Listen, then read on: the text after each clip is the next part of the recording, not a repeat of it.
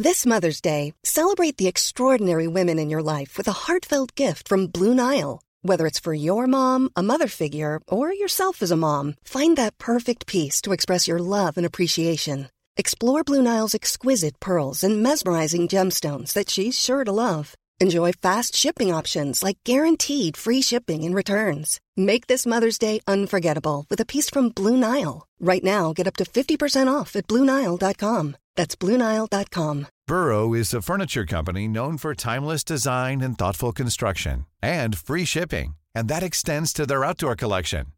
Their outdoor furniture is built to withstand the elements, featuring rust-proof stainless steel hardware, weather-ready teak, and quick-dry foam cushions. For Memorial Day, get 15% off your Burrow purchase at burrow.com slash ACAST and up to 25% off outdoor. That's up to 25% off outdoor furniture at burrow.com slash ACAST. Hi, I'm Daniel, founder of Pretty Litter. Did you know cats tend to hide symptoms of sickness and pain? I learned this the hard way after losing my cat, Gingy. So I created Pretty Litter, a health monitoring litter that helps detect early signs of illness by changing colors, saving you money and potentially your cat's life. Pretty Litter is veterinarian developed, and it's the easiest way to keep tabs on your fur baby's health right at home. Go to prettylitter.com and use code ACAST for 20% off your first order and a free cat toy. Terms and conditions apply. See site for details.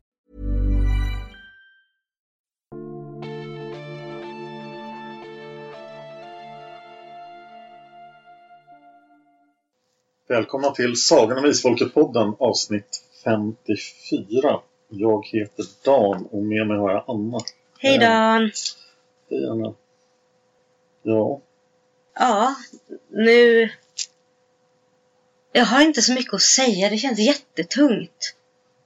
ska jag citera Svenska Dagbladet? Ja, Det är med stor sorg familjen kan meddela att Margit Sandemo stilla somnade in i sitt hem i Skåne natten till idag, skriver familjen i ett pressmeddelande, rapporterar norska medier. I Margit Sandemos böcker har handlingen ofta varit förlagd till historisk tid med starka inslag av fantasy. Framförallt är hon känd för den 47 böcker långa romanserien Sagan om Isfolket. I februari i år satt hon i hemmet i Skillinge och skrev sin 184 bok. Vilket hon berättade i en intervju med Dagens Industri och i en intervju med oss. Mm-mm. 2014 tilldelades Margit Sandemo en kunglig förtjänstmedalj i Norge för sitt bidrag till att få norska barn att läsa. Då sa Margit, jag har hört lärare berätta om elever som aldrig har öppnat en bok förut men som plötsligt slukar alla böcker om isfolket. Jag tror att mina böcker för många har varit en språngbräda in i litteraturens värld och det är jag stolt över. Och det här var en intervju med tidskriften Skriva. Vi kommer att sakna Margit väldigt mycket, säger Bladkompaniet. Nej, vi, vi gjorde ju ett minnesavsnitt över Carrie Fisher i vår andra podd, Har Nördcafé. ja, Och då var bland det första vi sa till varandra efteråt var så här, tänk när det blir Margit. ja. Jag får ju säga att när vi var och träffade henne i oktober Mm. så trodde jag verkligen att hon skulle leva till hon blev... Jag trodde hon var odödlig. Mm. Hon var så otroligt livfull, så otroligt med. På alla vis. Jag ville ju gå på hennes hundraårsfest som vi blev inbjudna på. Ja. Och hon sa ju någonting om att hon inte skulle dö för hon hade blivit spådd. Att hon inte skulle dö förrän hon var 102 eller 103. Och det kändes verkligen som det. Och hon berättade den där hemliga saken också som hon absolut ville uppleva. Ja, och nu kommer aldrig få det. Hon sa ju ofta att här, man måste tänka på att man inte är 92 längre, för hon var 93 då. Hon, hon klagade ju, hon verkade ju liksom orolig över att hon hade blivit så mycket sämre. Mm. Men för oss som inte hade sett henne vara 92 så, så såg hon ju jättepigg ut. Ja, hon var jättepigg, jättemed. Och just det här, hon nämnde ju som du sa att hon var lite sämre. Men Mm. det var liksom att hon hade ont i benen, ont i kroppen. Men helt med i huvudet. Och jag menar, jag som är uppvuxen med min mormor som länge var, som liksom var, blev- har blivit dålig väldigt successivt. Mm. Och blev, men blev också väldigt dålig väldigt tidig. Så tycker jag att hon var en av de piggaste tanterna jag någonsin träffat. Jag hade inte kunnat Ja. tro att hon var över 90. Och jag, har Hon rörde sig som någon, en 70-åring. jag har aldrig träffat någon som är så pigg över 90. Nej. Och så hade hon ju skaffat hund två Ja. år tidigare. Åh nej.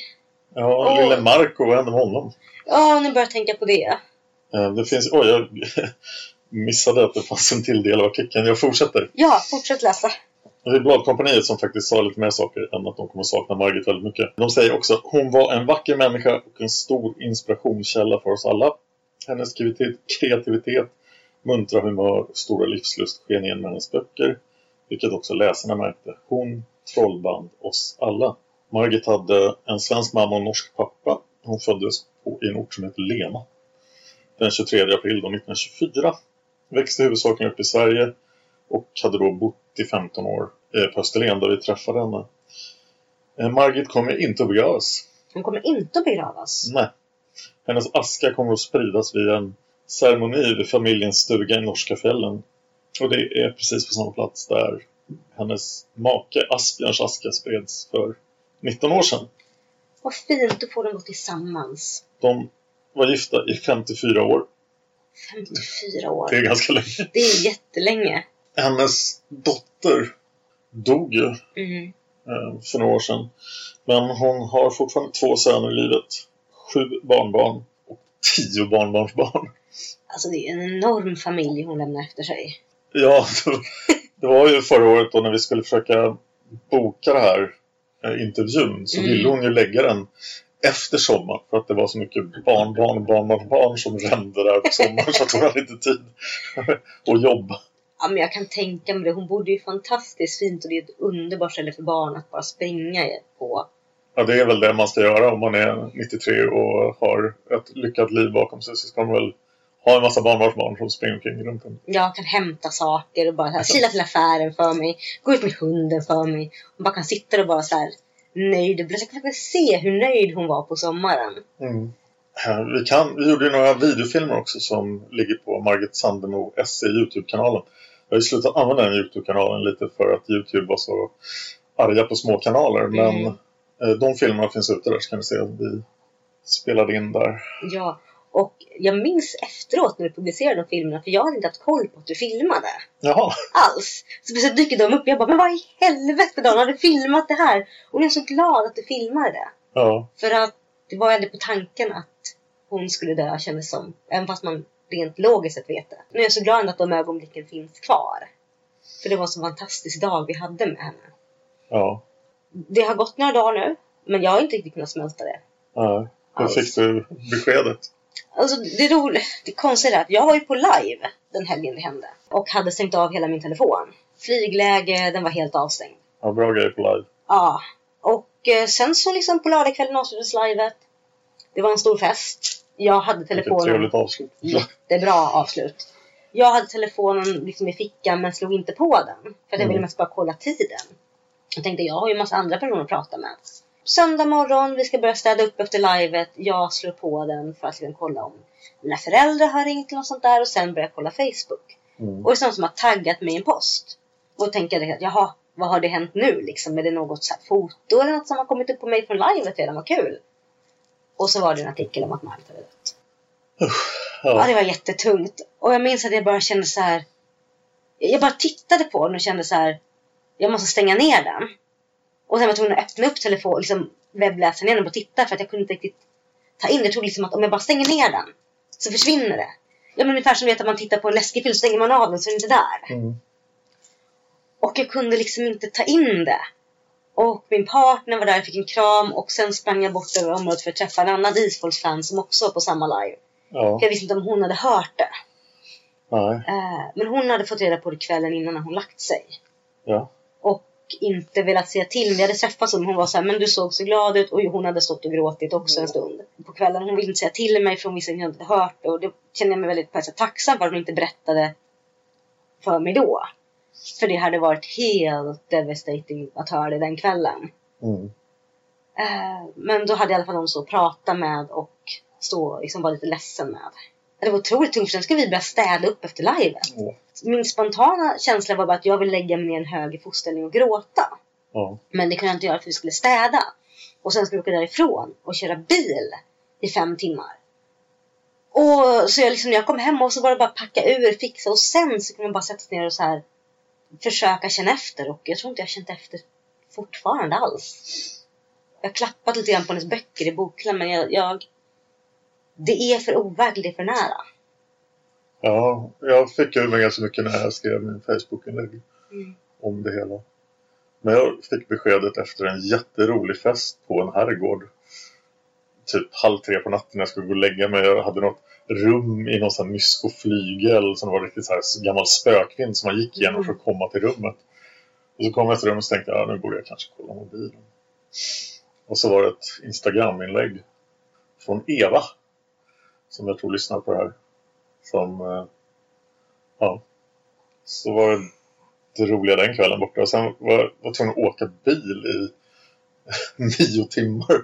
Åh nej. Nästa Åh. dag, då var jag så här, inte särskilt bra sällskap i bilen. Så jag var tvungen att berätta för dem vad som hade hänt. Ja men det förstår jag. Det finns ingenting annat att göra. Nej. Men vad hemskt att få reda på det innan läggdags. Mm. Fy fasen.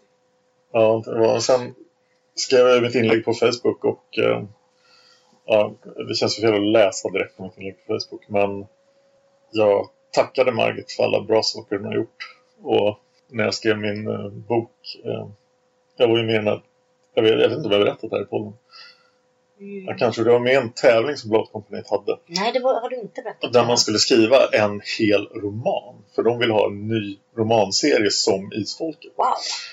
Eh, Och då kände jag Margit, hon var med och coachade mig lite där. Och eh, eh, till slut då så, det var 50 personer som skickade in en roman var. Ingen vann. Va? Men jag fick ett refuseringsbrev där det stod så här, jo, vi hade tänkt oss en eh, historisk underhållningsroman för kvinnor. Och allt det här är på check norska då, Mm. som jag inte kan imitera. Kämpegött. Väldigt käckt. Och så, så vi undrar lite varför du har skickat den här boken. Vad var det du skickade för bok? Jag skickade min bok Dackefejden som var del ett av minst sex delar som då är skriven och kommer i min bokpodd. Dan Hörnings fantasyserie Mörkret, fast den inte ingår i Mörkret. Eh, som, eh, ja, om några år på Men inte den- serien, eller Dackefilm, inte den rätt mörk och... Ja, fast det var ju det. Jag tyckte liksom, det var, jag hade en kvinnlig huvudperson, jag Ja. hade massa relationer och så här. Ja. Så var det historiskt och så var det Dackefejd och Gustav Vasa var skurken och Och det var en del i en serie, det var ju perfekt. Ja, den slutar precis där Dackefejden börjar. Den finns nog att läsa på nätet någonstans faktiskt. Jag gör inte det. Jag måste skriva om den lite innan jag, innan jag läser upp den i min bokpodd. Ja, och så tackar jag henne för att jag fick komma på hennes 70-årsdag. Det var ju helt bisarrt. Jag hade gått med i, det har jag berättat på den tror jag. Jag hade gått med i Mm. Svenska Isfolksföreningen veckan innan och så tyckte de ja nästa helg ska vi åka till Ja, just det. Ja, Ja. vi ska åka till Norge i två, och fira. Vi får så här, gratis flyg, gratis hotell mot att vi är där i dräkter.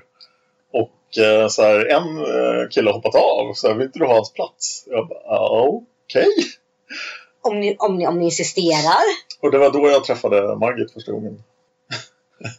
ja, hon, är, hon var ju så otroligt eh, trollbindande. Alltså det, det finns inte... Jag har aldrig träffat en människa som har varit så intressant. Och då var hon ändå, nu när du träffade henne i höstas, så var hon ju ändå gammal och svag jämfört med Mm. hon var då. Men hon var ju fantastiskt bra på att trollbinda med vad hon än sa. Jag fick ju följa med till Frankfurt också och lansera Isfolket på tyska på Frankfurtmässan. Och dansa så här medeltida danser med Jenny Wallin Oj, och två till.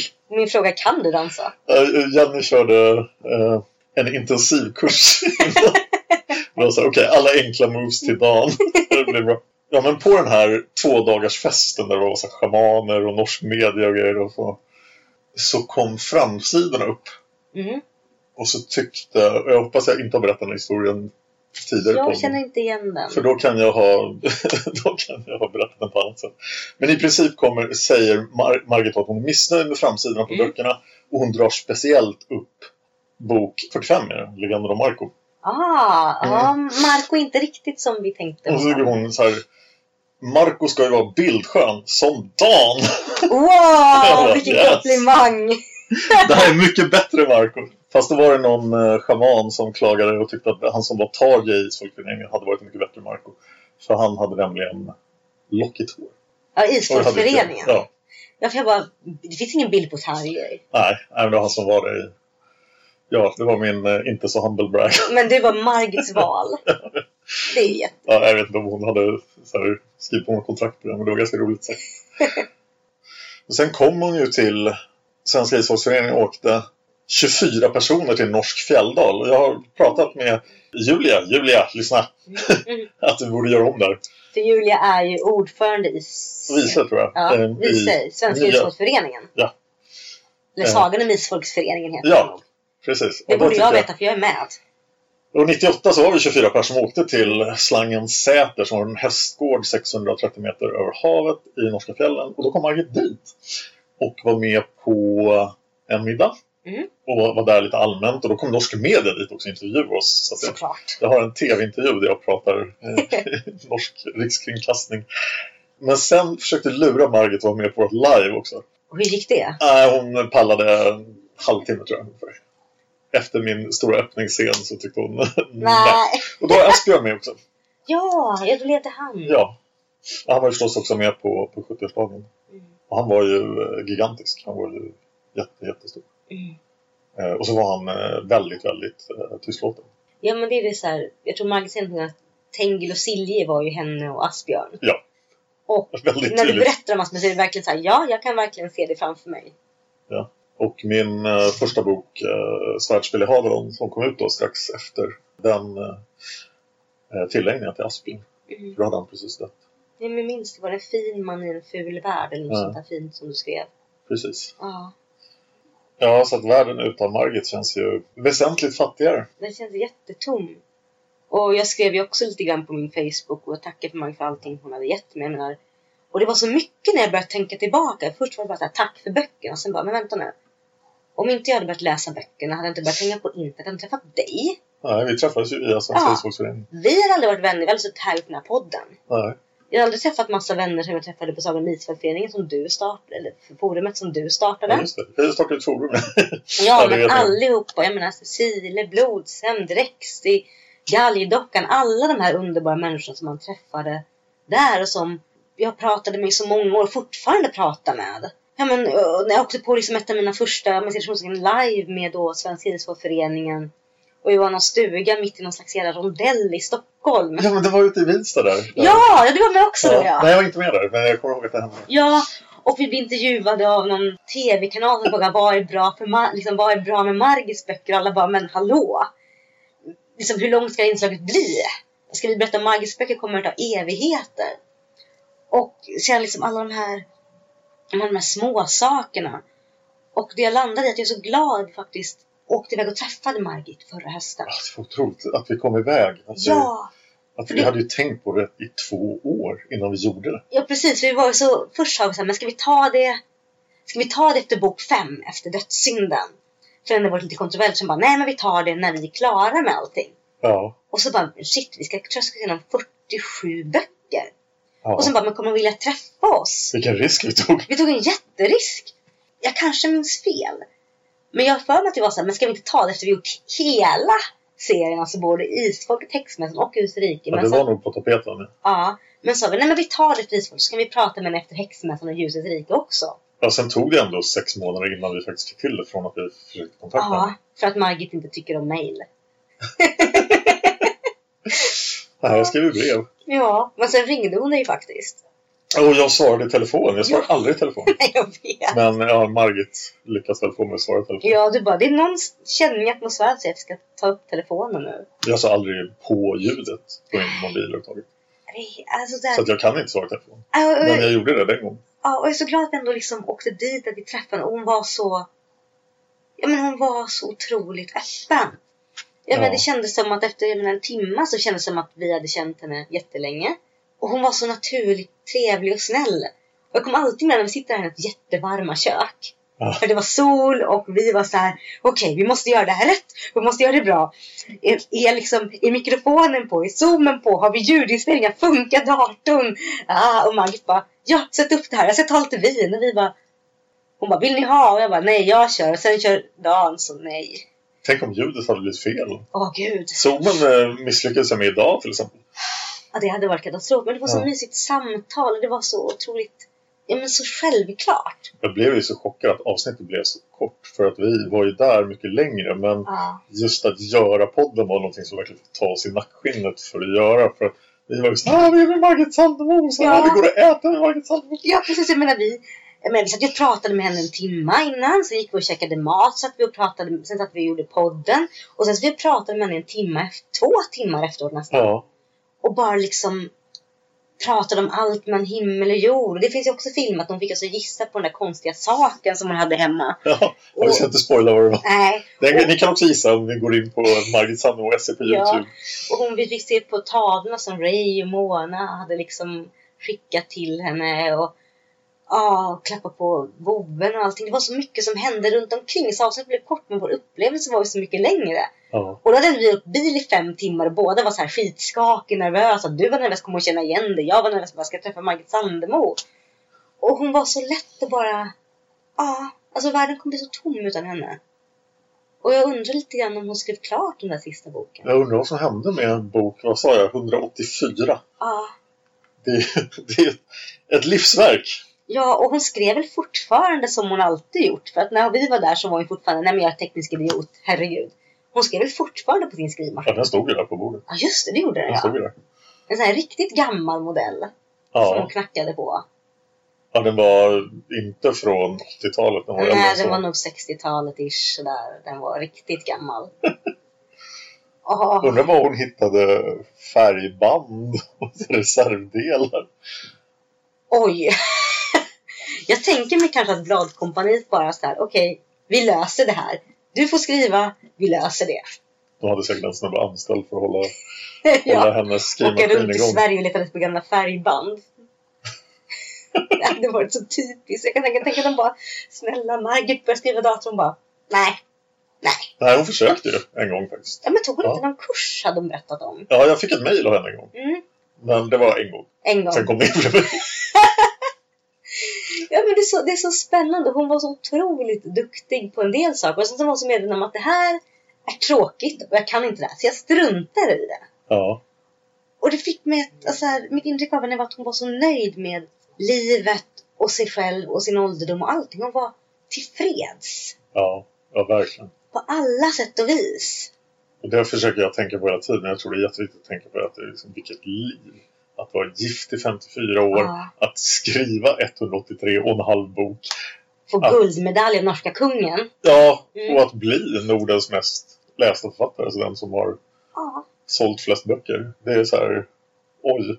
det är ett fantastiskt liv. Och liksom att ha den här ålderdomen som hon har. Det är ett hus på Österlen. Mest vackraste miljön jag någonsin varit i. Ja, Med sin lilla hund. för det var ju som en saga hela Österlen. alltså det det var var- Jag Ja. hade aldrig varit där förut. Jag har inte- har varit på den delen av Österlen heller. Men det var ju verkligen som att man åkte in i en helt annan värld. Och så Margit i sitt lilla hus. Det var ju verkligen som att, ja men det var som att gå in i en annan värld. Ja. Och jag blir så förvånad för jag minns allting så tydligt när vi pratar om det. Mm. Hur hon var och hur vi pratade med henne och allting. Och, Det känns ju som att hon fortfarande är där. ja, liksom. men det känns verkligen som det. Och jag är så liksom... Det känns så jävla jobbigt att vi inte kommer att uppleva att hon fyller hundra år och vi inte får vara på hennes födelsedagsfest. För att det känns jättejobbigt. Ja. För att man ska inte tänka liksom att människor är odödliga. För det är ju, alla människor dör. Men det kändes som Margit verkligen... Jag tänkte liksom att du och jag kommer stryka mig innan hon, liksom, hon ger upp. För att hon Ja. hade sån humor och sån självdistans och sån jädra... Ja men sån livsglädje på ja. alla sätt.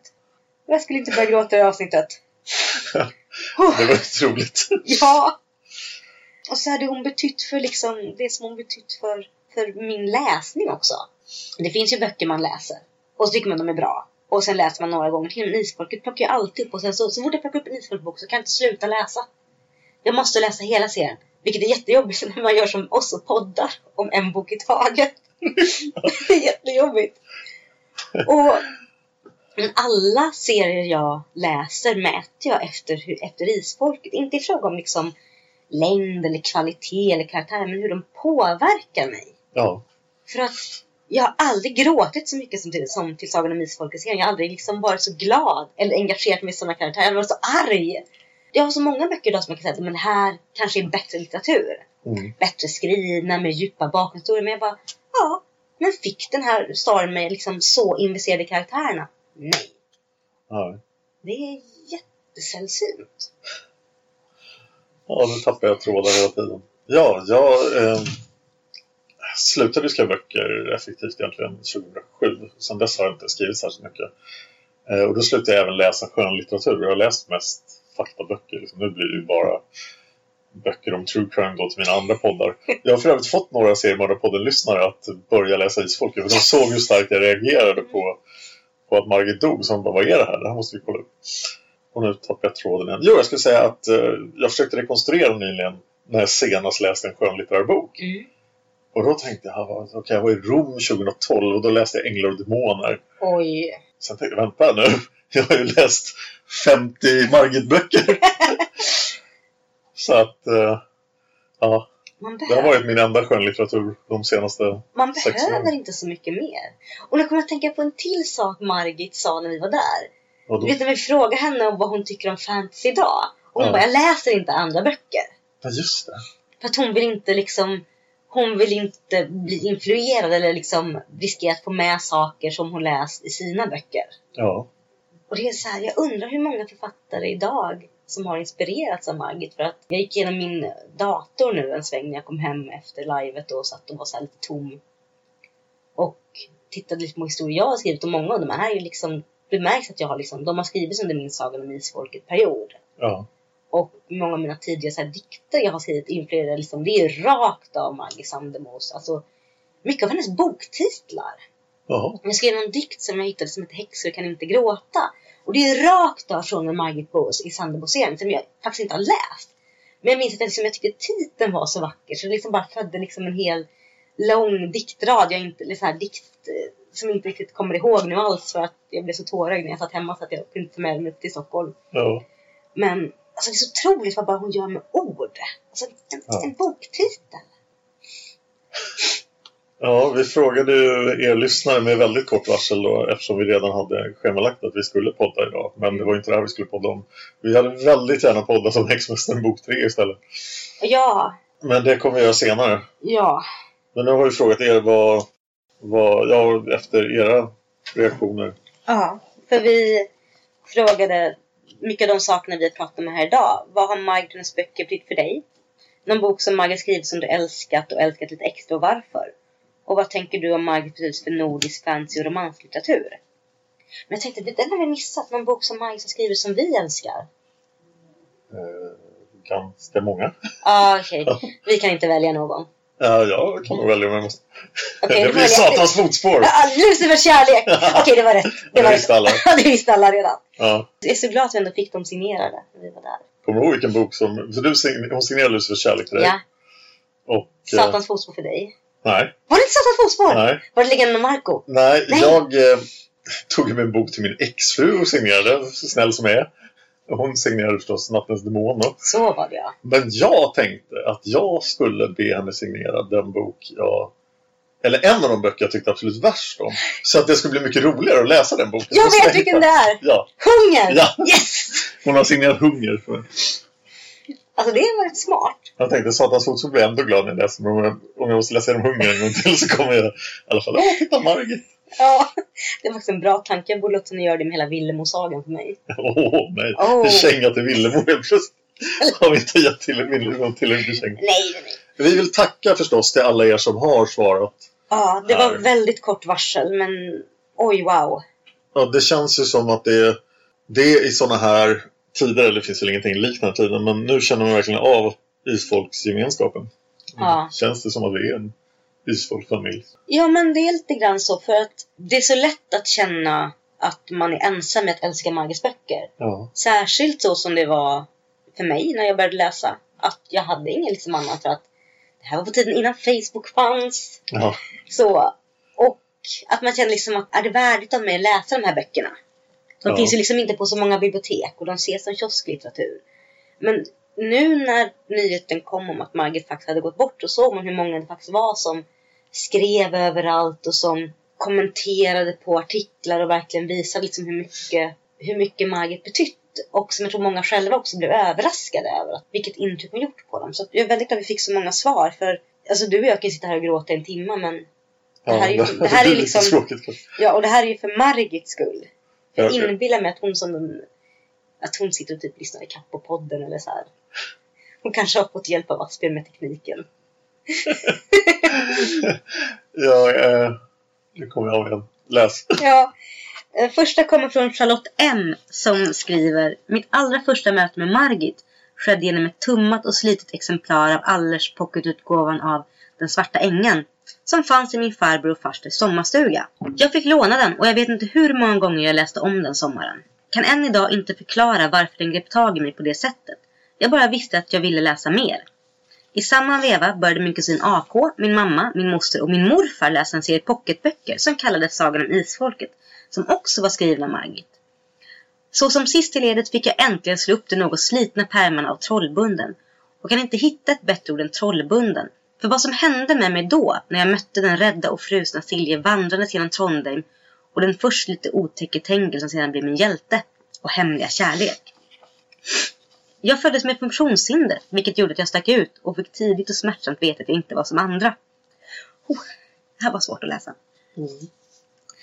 Det var svårt att passa in och att hitta någon att identifiera sig med.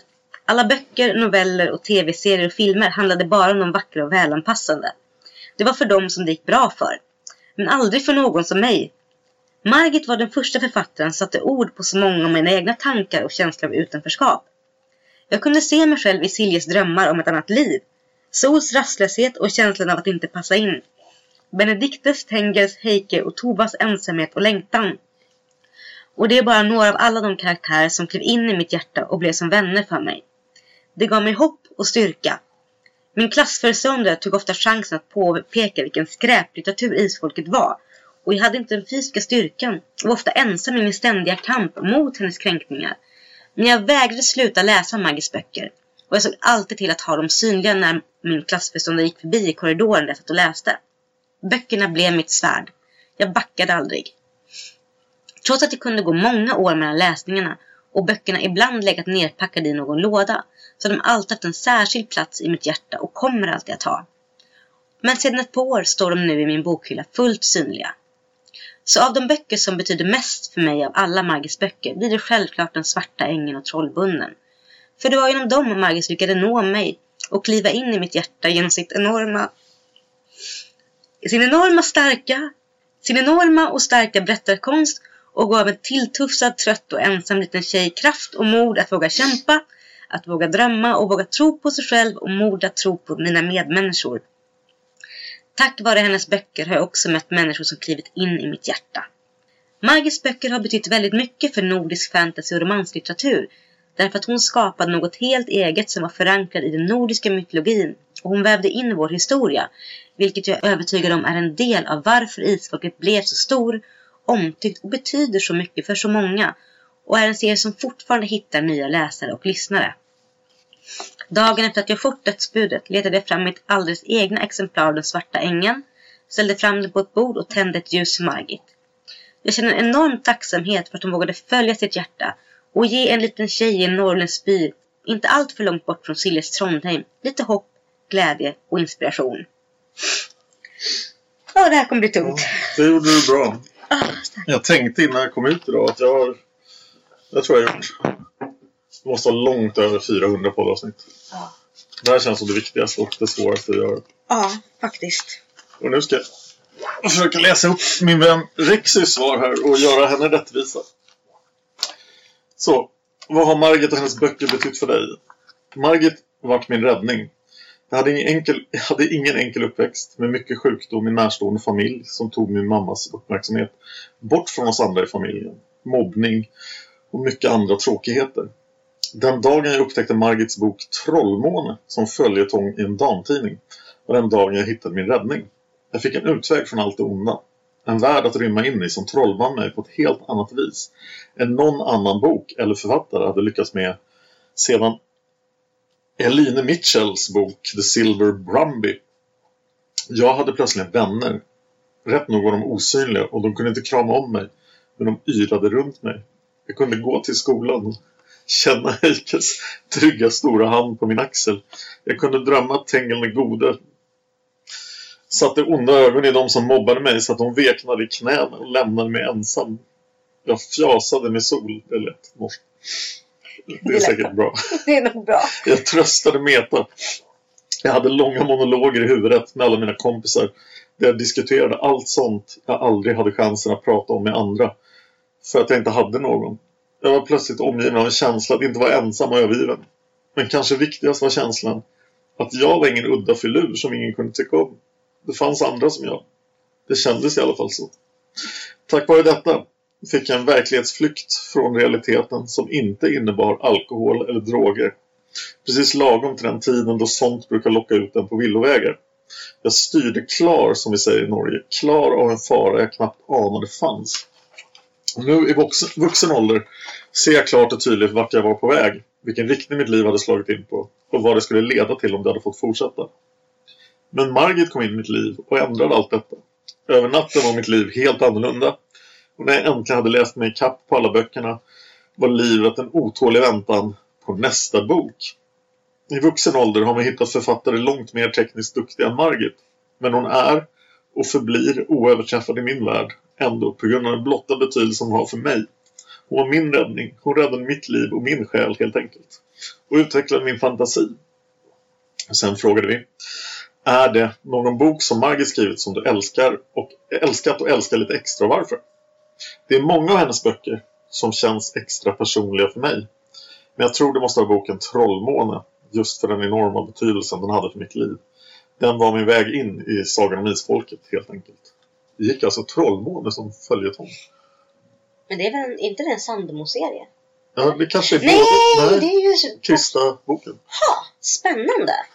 Ja, om den skulle leda in i Sagan om Isfolket. Det kanske finns en Sandemo-seriebok som också heter Trollmåne. Kanske Det här det. vet alla utom Diesel. Ja. Jag fortsätter med Rexys brev. vad, vad tänker du om Margits betydelse för nordisk fantasy och romanslitteratur har vi frågat. Och Rexy svarar. Jag tror hon har öppnat en väg för oss som inte fanns där innan. Jag har kanske inte läst så mycket av denna genre innan Isfolket. Men det känns ändå som att hon öppnade en väg för böcker som innehåll, innehöll en väsentligt större del fantasy och trolldom, magi och liknande. Innan var allt lite mer nedtonat och lite förbehållt sånt som Narnia-serien och Sagan om ringen. Och även där är magin lite försiktig. Det är bara de olika varelserna som florerar i rika mån med. Efter Margit får det nog fritt fram att hålla på precis som man vill med även magi och övernaturliga ävner. Det fanns inget hinder och man visste att folk tyckte om det med. Det isfolket bevisade det. Bra läst. Nästa svar kommer från Mew Mew Girl 95 som skriver Hej på er! Jag är rätt ny i forumet och till podden där jag först hittade nu i somras och hunnit lyssna på er fram till nu. Välkommen. Ja, välkommen! Jag är som trollbunden över denna fantastiska podd där jag med lätthet följer era och andras tankar. Fortsätt med ert fan- fantastiska poddande och lova att ni har en fortsatt ivrig lyssnare i mig. Och jag tar och besvarar frågorna nu i och med att också blivit vänsterligt. När jag läste om att Margit inte längre fanns kvar i livet så började jag genast att fundera på vad hon och hennes böcker har betytt för mig. Hon har följt mig genom så många år så det är jättekonstigt att tänka på hur man nu skulle kunna börja. Jag som ännu inte är fyllda 23 kom i kontakt första gången med Margit och hennes böcker som åttaåring när jag sitter till mamma och läser tyst tillsammans med henne. Jag minns att jag tog och läste Isfolket och hela den trilogiserien för allra första gången.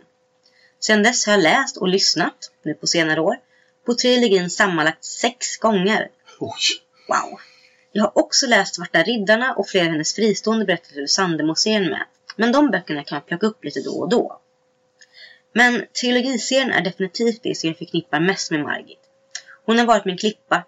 I och med hennes berättelser där jag kan få fly från vardagen, där jag kan få fantisera och leva mig in i hennes fantastiska skildringar och beskrivningar. Ibland har det känts som man själv är en del av berättelsen. Jag har verkligen älskat varje stund då jag får sitta och läsa hennes sätt att använda språk, namn och historiska inslag i kombination med all fantasy, romans och äventyr i ett. Tack vare Margit och hennes böcker har jag orkat ta tag i min vardag som den är och resa mig gång på gång, trots livets alla kval. Också kan jag tacka Margit för att jag fick träffa ett annat stort fan till henne och hennes böcker som inte heller finns med oss idag. Är det någon bok som Margit skrivit som du älskar och älskat lite extra och varför? Trilogiserien Isfolket, Häxmässan och Ljusets rike är ju de som har betytt allra mest för mig. Det har jag läst dem gång på gång och jag aldrig har tröttnat på dem. Jag skulle inte bara kunna välja en eller ett par böcker. Jag har verkligen förälskat mig, mer eller mindre i alla böckerna. Också flera karaktärer som bara får hela mig att jubla, som Tengil den gode, Sol, Heike, Villemo, Ingrid, Tula och många fler. Jag verkligen älskar dem.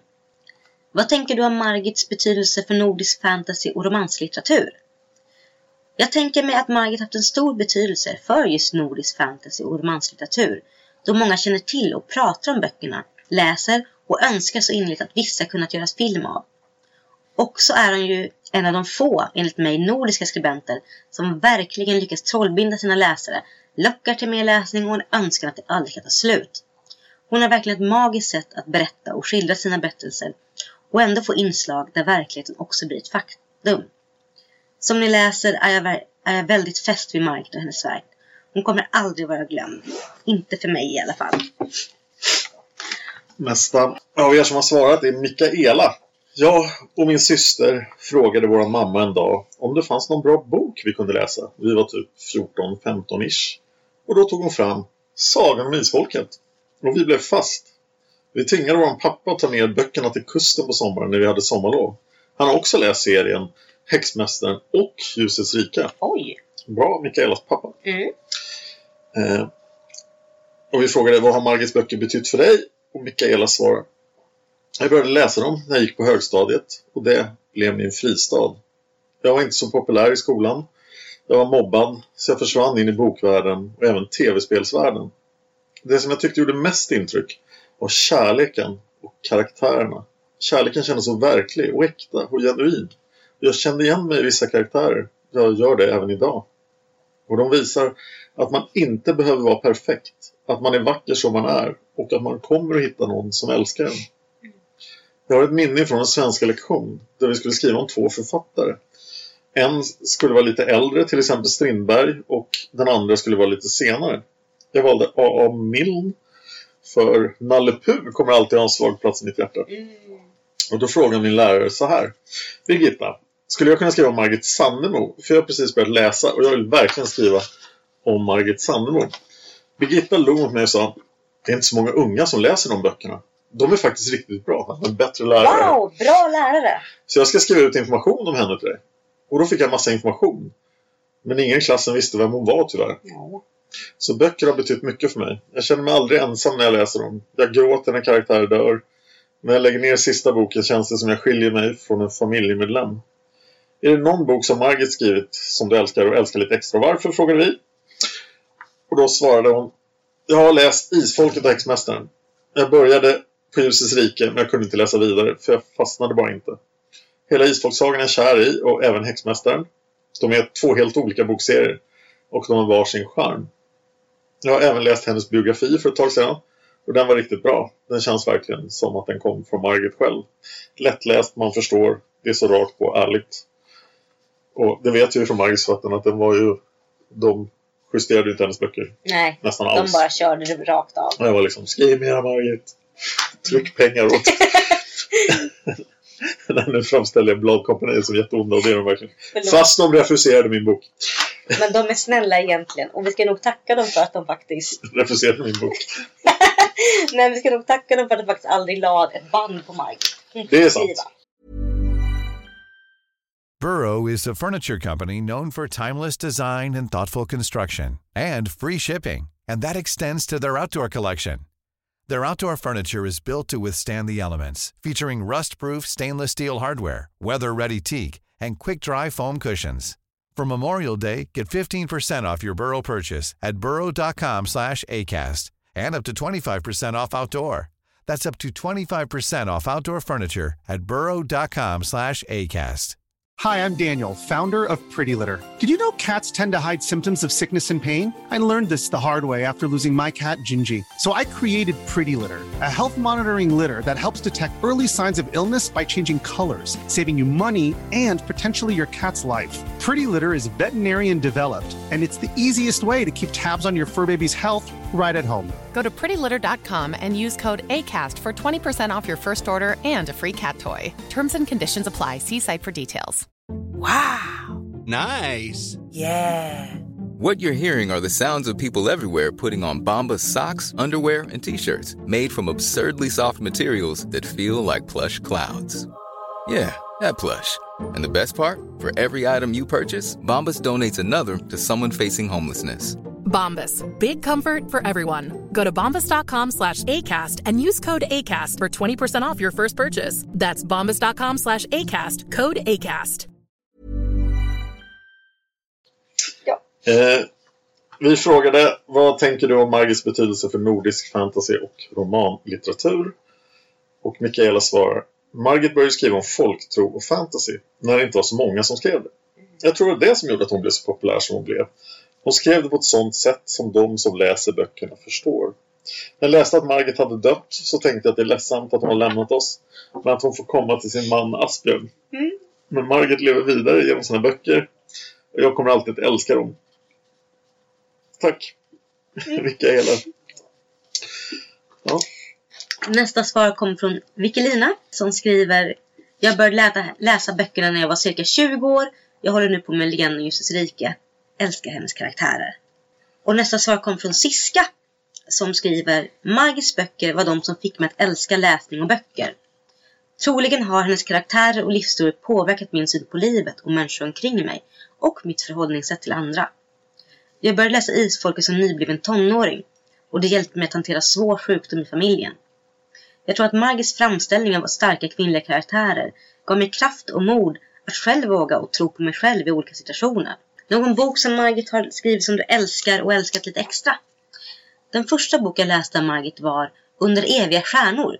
Det tog ett tag innan jag förstod att det var samma författare som till Isfolket. Min kärlek till alla hennes olika böcker ledde till att jag började samla på dem och så småningom till och med driva en sporadisk blogg som hyllning till böckerna. Jag har svårt att peka ut en favorit. För charmen med Margits böcker är att man förälskar sig i nya hela tiden. Dessutom får man olika favoriter vid olika läsningar och skeden i livet. En sak är i alla fall säker, att av Margits böcker så blir man trollbunden. Vad tänker du om Margits betydelse för nordisk fantasy och romanslitteratur? Siska säger, jag är för dåligt insatt i frågan för att kunna ge ett utförligt svar. Men jag tycker nog att hon har fått ett oförtjänt dåligt rykte med sina böcker som tantsnusk, Särskilt i och med om man ser till den litteratur som finns idag jämfört med på 80-talet när isfolket kom. Kvaliteten på innehållet kan halta något, men vetskapen om hetsen hon levde under med framställningen av isfolket och ett försök att skriva om framtid och högteknologi när man själv vägrar dator, det rimmar lite illa. Jag tror dessutom utan att ha någon fakta att basera det på att Margit och hennes böcker hade kunnat bli mycket större och bättre med ett annat förlag som såg populariteten och efterfrågan på hennes böcker på ett annat sätt. Jag upplever att man inte tagit vara på den skriverska att Margit hade. Jag vet inte om det finns någon nordisk författarinna som kommer upp i samma nivå med liknande inriktning på sina böcker. För mig är och kommer Margit alltid vara one of a kind som blir svår att efterlikna i sitt gripande och fängslande skrivande. Jag måste påpeka en sak där att alltså, man skriver 183 böcker Mm. vid 93 års ålder. Då får man inte glömma att Margit ju faktiskt inte blev publicerad förrän efter att hon hade fyllt 50. Just det ja. Tänk hon hade blivit publicerad. Fast det var nog bra på ett sätt. För att då hade hon mognat. Hon blev ju... Eh, Hon hade hon- fått barn och allting innan hon började skriva. Ja. Ja, verkligen. De hade ju vuxit upp. Ja. Eh, Och hon sa till mig att hon hade blivit refuserad 500 gånger. Innan hon fick ut sin första bok. 500 gånger! Ja, det låter ju... Alltså, hur kan någon fortsätta, fortsätta försöka bli publicerad efter 500? Men det känns så typiskt Margit. Kan tänka mig att hon bara, nej men då tar vi nästa. Ja. Att hon verkligen fortsätter försöka för att hon, hon vet, hon visste ju det som vi alla vet idag, att hon är fantastisk. Hon skriver fantastiskt. Men ja, det, det, det är starkt att kunna försöka. Nu Ja. måste jag försöka översätta från norska. Ja. Det här svaret kommer från Nattskygge. Jag fick inte sova den natten då Margit dog. Jag hade inte sett på nyheterna än den natten, alltså, men tidigt på morgonen eh, så reste jag mig och gav upp att sova. Och, och där var det. Margit var död. Det är inte möjligt att beskriva med ord hur mycket hon har betytt för mig. Och säkert för flera. Inte bara hennes böcker, men hela hennes personlighet så unik och trygg. Hon gav oss som var lite annorlunda ett slags hem i sina böcker. Hon pratade öppet om det övernaturliga och inget tema var tabu eller något att skämmas för. När jag var ung Försökte jag. förs ja, försökte jag snacka med henne på telefon. Jag eh, kunde fråga om allt jag funderade på, det som ingen annan kunde förklara. Det här var på 80-talet och hon var otroligt populär. Alla läste Isfolket och alla snackade om serien. Men likväl hade hon alltid tid. Alltså Margit. Wow. Ja, det låter som Margit. Mm. För en otrolig kvinna, utropstecken. Jag vill inte en gång tänka på vilket tomrum det har blivit. I, eller det hade varit i mitt liv om hon inte hade funnits. Om hon inte hade pratat med mig och förklarat för en liten flicka att det är okej, det är inte farligt eller onormalt. Så många goda råd och fina samtal. Jag är så tacksam mot Margit. Ingen kan någonsin mäta sig med henne. Eh, och vi frågade vad Margits böcker hade betytt för Nattskygge. Då svarade hon, för mig så är böckerna lite mer än bara underhållning. De öppnade dörren till historien för mig. Och det är därför jag idag jobbar som historiker. Se där. Eh, Jag hade varit någon helt annanstans. Eh, Det övernaturliga är nu helt naturligt för mig. Och böckerna Margit gav mig i ung ålder gav mig en trygghet och tröst när det som hände runt mig var svårt att förstå. Det är väl knappast något ämne hon inte har skrivit om. Bara det av historisk natur Eh, eller någonting som man kan gå igenom i livet. Eller någon form av övernaturligt. Margits böcker har strängt taget varit av större nytta för mig än allting jag lärde mig i skolan. Så frågar vi om det var någon bok som hon älskade lite extra. Och då svarar hon Boken om sol har jag älskat lite extra. Karaktären har så många likheter med mig själv, speciellt som yngre. Och när jag var ung var böckerna till stor tröst och nytta. Och då frågar vi om Margits betydelse för nordisk fantasy och romanlitteratur. Margit är extremt undervärderad. Hade hon varit engelsk så tror jag hon hade fått mycket mer respekt. När folk snackar om isfolket drar de fram eh, samma punkter varenda gång. Kärringsnusk och dåligt språk. Nu när jag läser serien så pass många gånger att jag vet hur mycket sex det är i böckerna så är det faktiskt helt normalt. Ett liv skildras i stor detalj, födelser och vardagliga händelser. Hur hade det varit utan ett fysiskt kärleksliv? Nej. Normalt? Nej, inte alls. Jag kan inte förstå att hon fortfarande blir kritiserad när det finns serier som Game of Thrones Ja. som ju har lite mer sex än vad Margit har. Är det mindre sex där? Nej, vad är skillnaden? Jag tror att det är vi som skandinaver är ganska rädda för att bli sedda på som dumma om vi läser böcker som folk betraktar som mindre viktiga. Mm. Språket är inte heller någonting att slå ner på. Det är faktiskt över genomsnittet. Men jag tror att Margits status kommer att bli högre med tiden. Och till sist kommer hennes böcker få den positiva uppmärksamhet som de förtjänar. De kommer inte bara få unga människor att läsa böcker. De kommer även få läsa böcker som är bra skrivna. För det är de. Mm. Bra gjort. Nästa svar kom från Black No 1 underline 79. De säger Min mamma hade Sagan om Isfolket. Jag smygläste dem och nu har jag en egen samling. Hade det jobbigt och framförallt har Sagan om Isfolket hjälpt mig igenom den jobbiga tiden. Så hon har betytt väldigt mycket för mig. Vi har ju pratat väldigt mycket om det här men det är ju verkligen någonting som isfolket har som gör att man hittar tröst i det. Man blir en del av det. Ja, vi reflekterar över det när vi läste om böckerna nu. Att man hittar ju alltid nya saker som man kan rel- relatera till. För att det som jag relaterar till i böckerna när jag var tonåring är inte samma sak jag relaterar idag som när jag är vuxen. Ja. Och Margit skriver på ett sätt som gör att man alltid kommer känna igen sig. Alltid kommer hitta någonting och alltid kommer hitta stöd i det. Och jag kan inte förstå hur hon gjorde. Nej. Det är sällsynt. Uh. Nästa svar kom från Ursula Horn som skriver Jag läste Isfolket första gången i 12-årsåldern. Från det minns jag mest en känsla och några lösryckta scener. Och jag var tvungen att ta med mig två böcker när jag skulle till skolan för att vara säker på att inte råkat läsa klart och börja vänta tills jag kom hem innan jag fortsatte. Nu har jag lyssnat om på serien i vuxen ålder och hittat massor av nya saker och betydelser. Jag skriver böcker själv och Margit har verkligen blivit en författarförebild. Det är något helt underbart med hur det märks att hon verkligen skriver precis som hon själv vill. Som jag behöver i en värld där alldeles för många författartips handlar om hur man ska rätta sig efter massor av regler för att det ska bli bra. Visst behövs regler också, men Margits böcker ger tillbaka den där känslan av att det allra viktigaste är lusten att skriva och lusten att läsa. Sen uppskattar jag väldigt mycket hennes skildringar av den nordiska kvinnliga skuldkänslan. Den där att aldrig räcka till och att alltid känna att man behöver göra rätt för, att, för sig själv för att få ta plats i världen och i någons liv. Det är väldigt nyttigt att se den speglad. Är det någon bok som Margit skriver som du älskar och älskat lite extra? Ursula hon säger allt med Alexander Paladin. Han är så himla bra och storslagen och mänsklig. En del av händelserna och åsikterna runt hans läggning har ju helt klart åldrats dåligt så jag ser bort från det lite grann när jag läser. Jag tycker väldigt mycket om hans kärlekshistoria med Cecilia som är så okonventionell och grundar sig så mycket i kommunikation och vettiga lösningar. Jag måste också säga att sist jag lyssnade älskade jag verkligen sagans sista bok, där Margit själv var med. Dels för det är så underbart hon skriver med sig själv. Dels för att berättelserna ur hennes eget liv är så gripande och verkligen ger en tydlig bild av henne som person. Och som person jag verkligen får sympati för och tycker om. Margits betydelse för nordisk fantasy och romanslitteratur. Det känns som hennes bokserie slog fast att ett kvinnligt perspektiv och ett kvinnligt fokus inte är något att räkna bort. Visst ses Isfolksagan ner på fortfarande, som det gärna blir när det handlar om kvinnor, men den går inte att ignorera. Jag hoppas att hon har det bra, var hon än är. Och det har varit så vackert att under de senaste dagarna läsa i förvånansvärt många Facebookgrupper jag är med i. Folks egna berättelser och betraktelser om vad isfolket och de andra böckerna betytt för dem. Det är liksom en gemensam del i så mångas uppväxt. Nästa svar kommer från Blodshämnd. Som just har fått barn. Grattis Blodshämnd. Grattis Blodshämnd! Hon skriver Det här blir ett rörigare svar än önskat. Men som relativt nyförlöst i bebisbubblan är det svårt att tänka klart. Ganska begripligt. Väldigt begripligt. Vad har Margit och hennes böcker betytt för dig?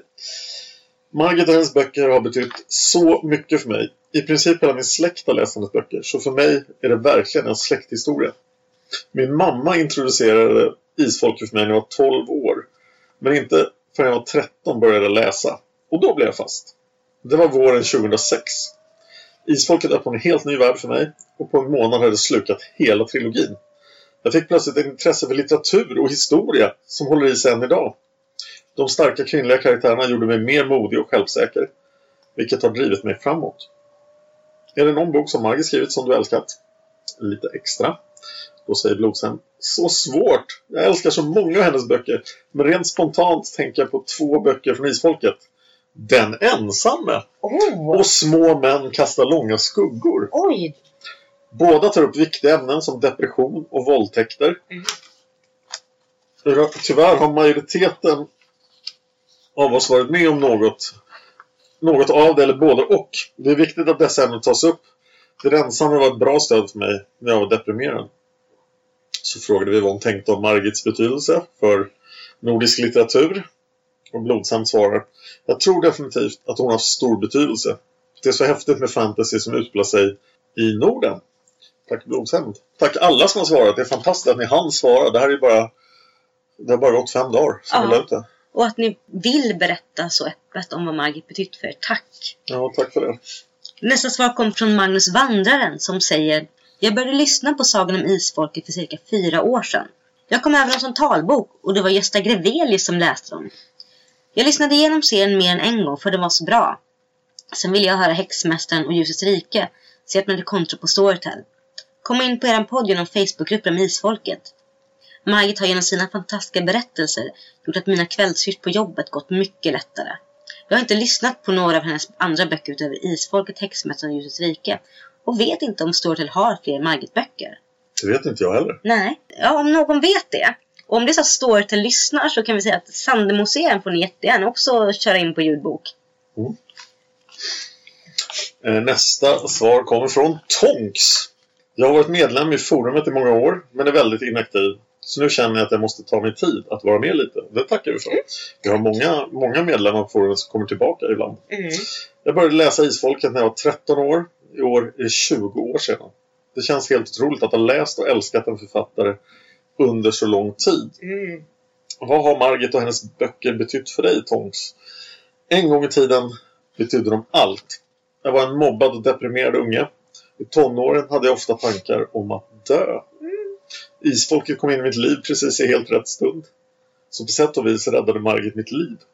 Jag var som besatt av Isfolket. På den tiden prenumererade jag på serien och kunde alltså bara läsa en del i månaden. Oj! I 47 månader.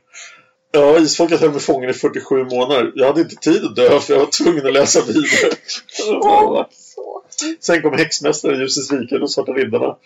Och någonstans på vägen började jag sakta men säkert må bättre. Margit och hennes karaktärer höll mig i handen hela vägen. Tills jag kunde stå på egna ben. Senare har jag läst om Isfolket flera gånger.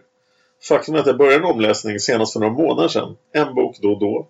Just nu hänger jag med Heiko Vinge i Våroffer. Åh! Jag älskar att läsa om Isfolket, upptäcka nya sidor hos karaktärerna och upptäcka hur mycket jag själv förändrats från den 13-åriga vilsna själen till den vuxna nästan 33-åriga kvinnan med en egen, tack och lov, inte lika vilsen 13-åring hemma. Åh. Till detta ska sägas att Margit har gett mig ett sammanhang och vänner för livet genom diskussionsforum. I min bokhylla står min Sandemo-samling komplett sedan många år. Jag har bara fyllt på när det kommer någonting nytt. Idag gläds både jag och barnen åt den fantastiska seriealbumsversionen av Isfolket av Ray och Mona Husek. Även om min tioåring tycker att vissa delar är äckliga. är det någon bok som Margit skrivit som du älskar lite extra? Frågar vi. Och Tom svarar. Jag måste säga Trollbunden. För det var ju där allting började. Annars vill jag nog säga att hennes självbiografi Livsglädje är en bok som jag älskat och uppskattat lite extra. När den kom hade jag länge väntat på ett ordentligt porträtt av min favoritförfattare. Och hon gjorde mig inte besviken. Så frågade vi om Margits betydelse för nordisk litteratur. Och då säger Tonks. Jag tänker att Margit gjorde någonting unikt med isfolket. Hon triggade läslusten hos folk och kanske kan vi tacka henne för att öppnat dörren till litteraturens värld för många unga. Hon skrev tillgängligt och opretentiöst om högt och lågt och folk kan relatera till hennes karaktärer trots inslagen av fantasy. Det är skickligt att applicera en fantasyvärld i den verkliga världen och få folk att köpa det rakt av. För den nordiska romanlitteraturen verkar hon ha haft störst påverkan i Norge där långa romanserier är väldigt mycket mer populära än här. Boknö har gett ut några serier på svenska men det är bara en liten del av det i mitt tycke enorma utbudet. Jag köper norska serier då och då och uppskattar dem otroligt mycket. Jag tycker det är synd att vi i Sverige inte producerar romanserier i samma anda. Bra. Jag har några svar till. Ja. Nästa svar kom från fröken Karin som säger om det var Margits Sagan om Isfolket som var det som fick mig att verkligen börja sträckläsa eller om jag hade läst mycket som ung ändå, vet jag inte.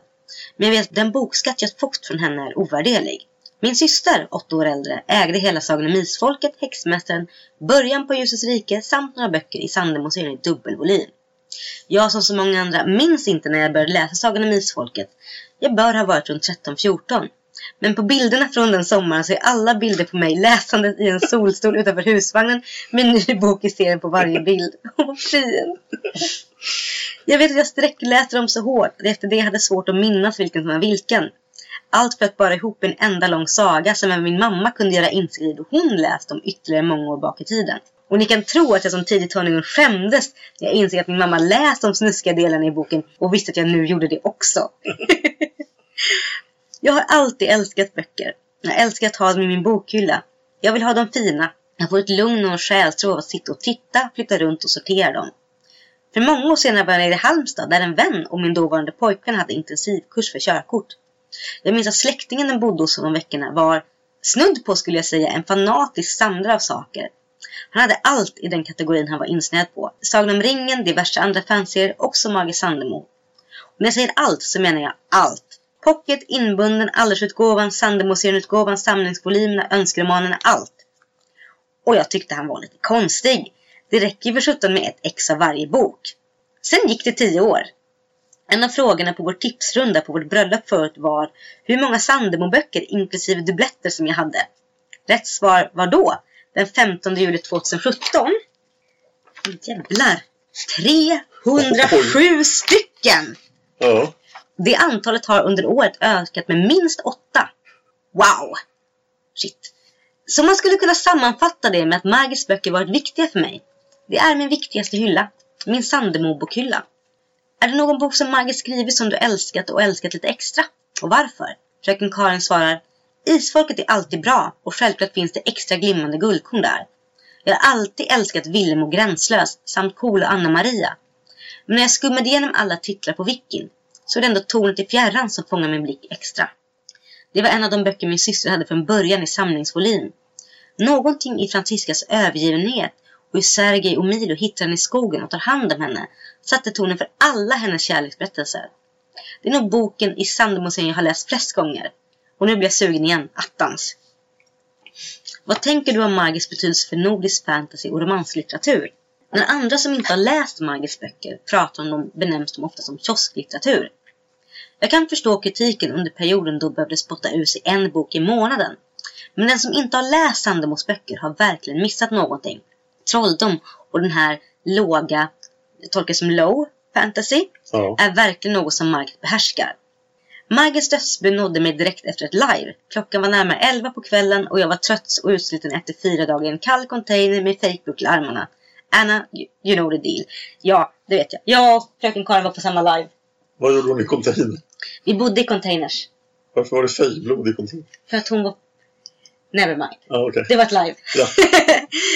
Fröken Karin säger vidare. En annan i min grupp kom ner till mig och efter livet kramas och säger i samma andetag som hon släpper att Margit Sandemo har dött.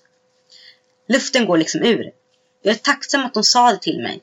Hon hade sett beskedet, fått väldigt mycket sorg och börjat fundera på vem hon kunde berätta det här för som skulle förstå henne. Och jag förstår henne. Så vi står i en kall container och grät en skvätt omgivna av glada lajvar som inte kunde förstå vidden av att en författare har gått bort. Det jag sörjer mest är att, de, att jag aldrig skickade iväg en bok till henne för signering med ett tackbrev för allt hon betytt för min läsning och mitt bokälskande. Men det här får bli mitt tackbrev, så jag säger det här istället. För jag är säker på att Margit lyssnar ikapp sig på podden nu. Tack Margit! Och nästa kommer från Silja Angrepsdatter. Du åker på all norska idag. Ja, det, det är jag beredd. Kärleken var deras adelsmärke. Så står det på... Nej men det det funkar inte längre. Åh! Så står det på eh, Silja och Tengels gravsten. Ja. Det, samma eftermälet kan ges till Margit själv. Kärleken var hennes adelsmärke. Margit och hennes böcker har betytt oändligt mycket. Så mycket att hon nästan känns som en extra mormor. Mm. Även om jag bara träffat henne några få gånger. Och det var så länge sedan som 8 till 10 år sedan. Men historien hennes har följt mig sedan jag själv var 10-11 år. Och genom otaliga artiklar och intervjuer i tidningar, veckoblad, radio och tv har jag lärt känna henne som en varm, eh, inkluderande och särdeles spännande person. Och ett norskt ord som heter RAUS. Kanske är rask? Jag vet inte. Nej, förlåt min dåliga norska. Jag är inte helt säker på vilken bok som var den första jag läste. Det kan ha varit Nyckeln. Nyckeln. Nyckeln ja. Eh, Det kan, eh, det kan ha varit en annan av de tidigare romanerna. Det kan ha varit Trollbunden eller Häxjakten. De två sistnämnda läste jag först som följetonger i Jämmet. Och jag älskar dem från första stunden. Margits fantastiska historia var vackert illustrerad av Inge Drachman. Och illustrationerna bergtog mig nästan lika mycket som texten. I alla år efteråt har jag önskat, har jag försökt få se de här, alla de här illustrationerna igen. Jag har nämligen bara fått tag på några kapitel från Trollbunden. Bladen med häxjakten, som då hette Flykten från Isfolkets dal, om jag minns rätt, eh, lånade jag bort och de kom aldrig tillbaka. Åh, vilket nej. jag är ledsen för idag. Då. Om någon där ute har sparat på de här illustrationerna så vore jag väldigt tacksam om ni kunde dela med dem på ett annat sätt. Gärna på forumet. Det går bra på vår Facebook-sida också. Ja, sitter ni på de här illustrationerna så skicka dem. Det är fantastiskt om fler kan ta del av det. Inge Drachmans illustrationer i Jämmet Mm. vill vi se. Men tillbaka till varför Margit och hennes böcker har betytt så mycket för mig. Hon gav mig en värld full av kärlek, mystik och spänning att drömma mig bort i. Med karaktärer som blev som familj eller goda vänner. Som jag har sörjt då Sol och Silje och Tengel dog. Det var nästan så jag ville sluta läsa. Men jag kunde ju inte det. Jag måste ju veta hur det gick för de här kommande nya generationerna. Margit gav mig otaliga historielektioner kamouflerade som spännande äventyr. Hon gav mig oändligt glada, oändlig glädje, djup sorg, styrka, mod, kärlek, empati, förståelse, humor, livslust. Välkommen verklighetsflykt, en stark släktkänsla och en gränslös hunger efter att få läsa mer. Det är inte för inte som jag äger alla Margits böcker. Wow. Många av dem är flera utgåvor. Och de, de allra flesta har jag läst mer än en gång. Vissa har jag läst 10-15 gånger tror jag. Och Margit har alltid kunnat trollbinda mig på ett sätt som få eller ingen annan har klarat. Det var inte hon som först väckte min läslust. Det skedde många år tidigare. Men hon har bidragit starkt till att upprätthålla den och vidareutveckla den. Och så frågade vi om den här boken man älskar lite extra. Det är flera eh, både som tillhör isfolket och andra. Men om jag får välja bara en så blir det Trollbunden. Mm. Starten på den fantastiska sagan är och blir extra speciell för mig. Kanske för att jag alltid identifierat mig så starkt som Silje. Hon känns nästan som en tvillingsjäl, en Eh, en kindred spirit som Anne Shirley hade kallat det. Eller som en del av mig själv. Kanske för att jag alltid blir besatt och trollbunden av Tengel. Precis som Silje blev. Kanske för att Isfolkets dal faktiskt är mitt älsklingsställe i hela serien. Kanske på grund av intressanta karaktärer som Sol, Hanna, Grimar, Eldrid, Charlotte. Kanske för att miljöskildringen är så bra i den boken. Kanske för att skurken Hemming har mer än en sida. Men det är förmodligen en kombination av allting. Vad tänker du om Margits betydelse för nordisk fantasy och romanslitteratur? frågar vi. Då svarar Silja Örngesdotter. I en kommentar i Aftenposten måndagen den 3 september 2018 hyllas hon av författare av författaren, filosofen och redaktören Knut Olav Åmås som kallar henne drottningen av läslust. Mm. Han skriver bland annat Margit Sandemo fick kungens förtjänstmedalj då hon blev 90 år 2014. Men inte mycket annan officiellt erkännande. Tänk om någon hade mod till att ge henne Brages hederspris eller Mm. Kulturrådets ärespris för allt vad böckerna henne, hennes har gjort för att skapa mer läslust är mer än en hel bataljon av bibliotekarier och lärare har klarat av. Margit Sandmos viktigaste belöning kom i 50 år från de som betyder mest för henne. Läsarna. Hon besvarade nästan alla brev hon fick. Och det var många tusen brev. Ja, Silje Ångensdotter fortsätter. Jag håller förstås med. Hon hade förtjänat större erkännande. Men det var mycket viktigare att hon, hon nådde tusentals människohjärtan. Böckerna, hennes böcker har i vissa kretsar fått okänt dåligt rykte. För de är så mycket mer än vad kritikerna vill ha dem till. Böckerna kan inte bara avfärdas som lättsinnig underhållning. Inte om man går på djupet på ämnena och problemställningarna hon tar upp. Många människor känner igen sig och hittar tröst i att hon tar upp sådana saker. Nu har inte jag läst så mycket fantasy. Men jag vill tro att hon har enorm betydelse för den, som den föregångskvinna hon är. I Norge räknas hon som serieromanens mor. Och var väl också bland de första som skildrade starka kvinnor. Som vågade stå upp för sig själva. Och hon är en viktig förebild för många unga flickor och kvinnor. Mm. Och sista svaret kommer från Ray Husak som skriver Hoppas jag hinner. Vi packar isfolket böcker för glatta livet. Men här kommer mina svar och tankar. Margits Sagan om Isfolket har följt mig sedan starten 1982. Och sedan dess har de alltid varit mina favoriter. Att jag senare fick möjlighet att bli en del av Sagan om Isfolket genom att bli den som tecknade böckerna som serieböcker är fantastiskt. Hela min serietecknarkarriär har påverkats av Isfolket och Sol är väl den som etsat sig fast mest av alla karaktärerna. Vår dotter heter Sol i mellannamn bland annat. Någon bok som Margit skrivit som du älskar lite extra? Ray svarar, det är väl tre böcker i synnerhet.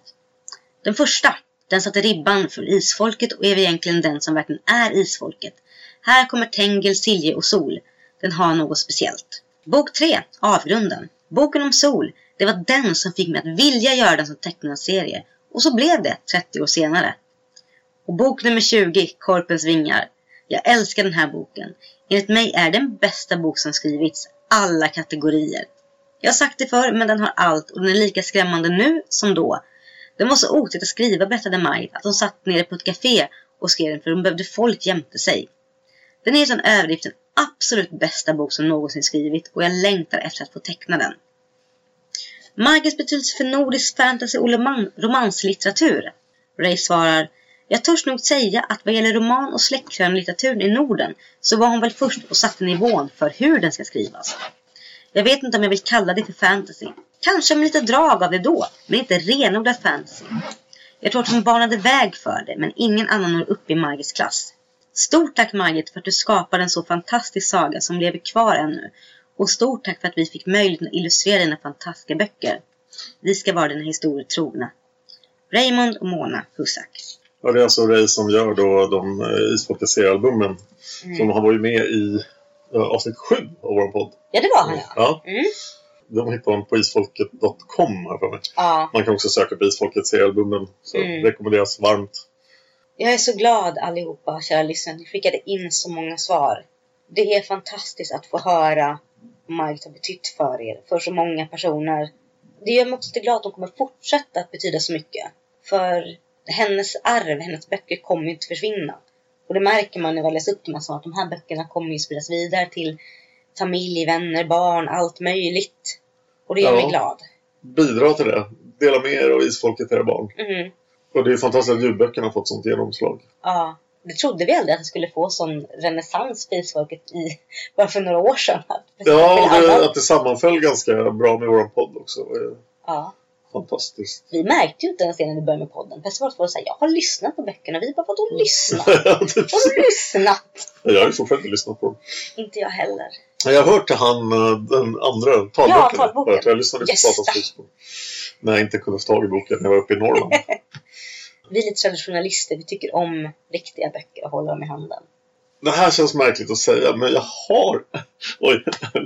Så ja. Jag har ändå i huvudet ekande, och det är säkert Margit med någon övernaturlig förmåga, som en bild av Margit som sitter och skrattar lite åt oss och tänker att ni är ju är lite stolliga som är ledsna att någon har dött vid 94 års ålder. Ni borde istället fokusera just på liksom, allt det positiva. Ja, men jag, jag kan verkligen se henne framför mig som bara så här. Ja, ja. Ja, men sitt här nu och liksom så här. Jag, jag går och dricker vin istället. Mm, med Aspi. Ja. Ska vi fokusera på det fina? Det ska vi göra. Som till exempel bok 3, Häxmästaren. som vi Bok ska tre, ta upp Häxmästaren, vi kommer upp. nästa avsnitt. Och att vi har så många böcker kvar att göra och alltså att podda om. Ja. Och att jag verkligen hoppas på att hennes 184 bok ja. kommer ut. Jag struntar i om den är färdig eller inte. Jag vill bara, jag vill bara att förlaget ger ut den så jag får ta del av vad hon faktiskt skrev den sista tiden. Ja, det är verkligen intressant. Vad, vad händer med den? Ja.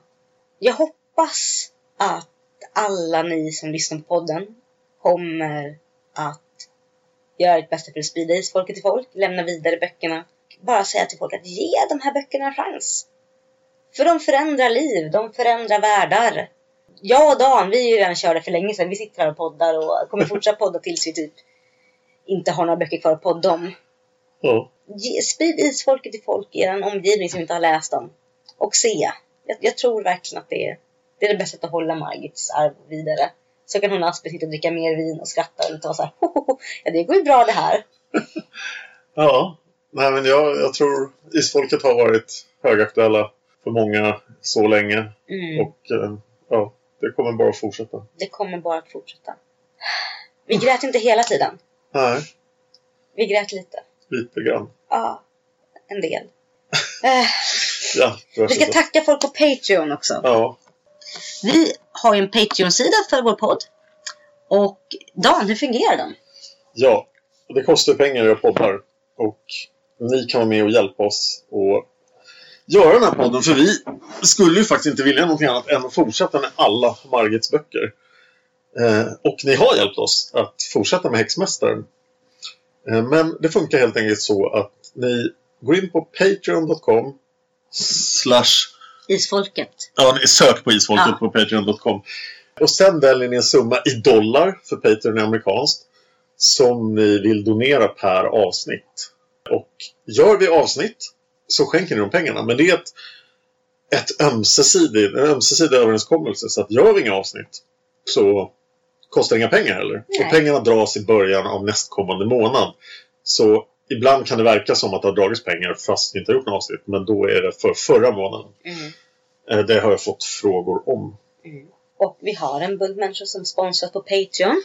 Och de vill vi gärna tacka. Så vi vill tacka Hanna Naversjö, Nolau, Jenna Larsson Rydhammar, Maria Andersson, Birgitta Hedberg, Yes, Marita Vio, Magnus Rask, Glasögontönten, Monica Nyhus, Solveig Gudnadottir, Eva Martinsson, Mystika Fairy, Julia Mason, Ingrid Johansson, Blodshem, Quansi, Petronella Thorén, Alba Lundström Ramirez, Karin Källström före detta Simonsen och Desiree Lindmark.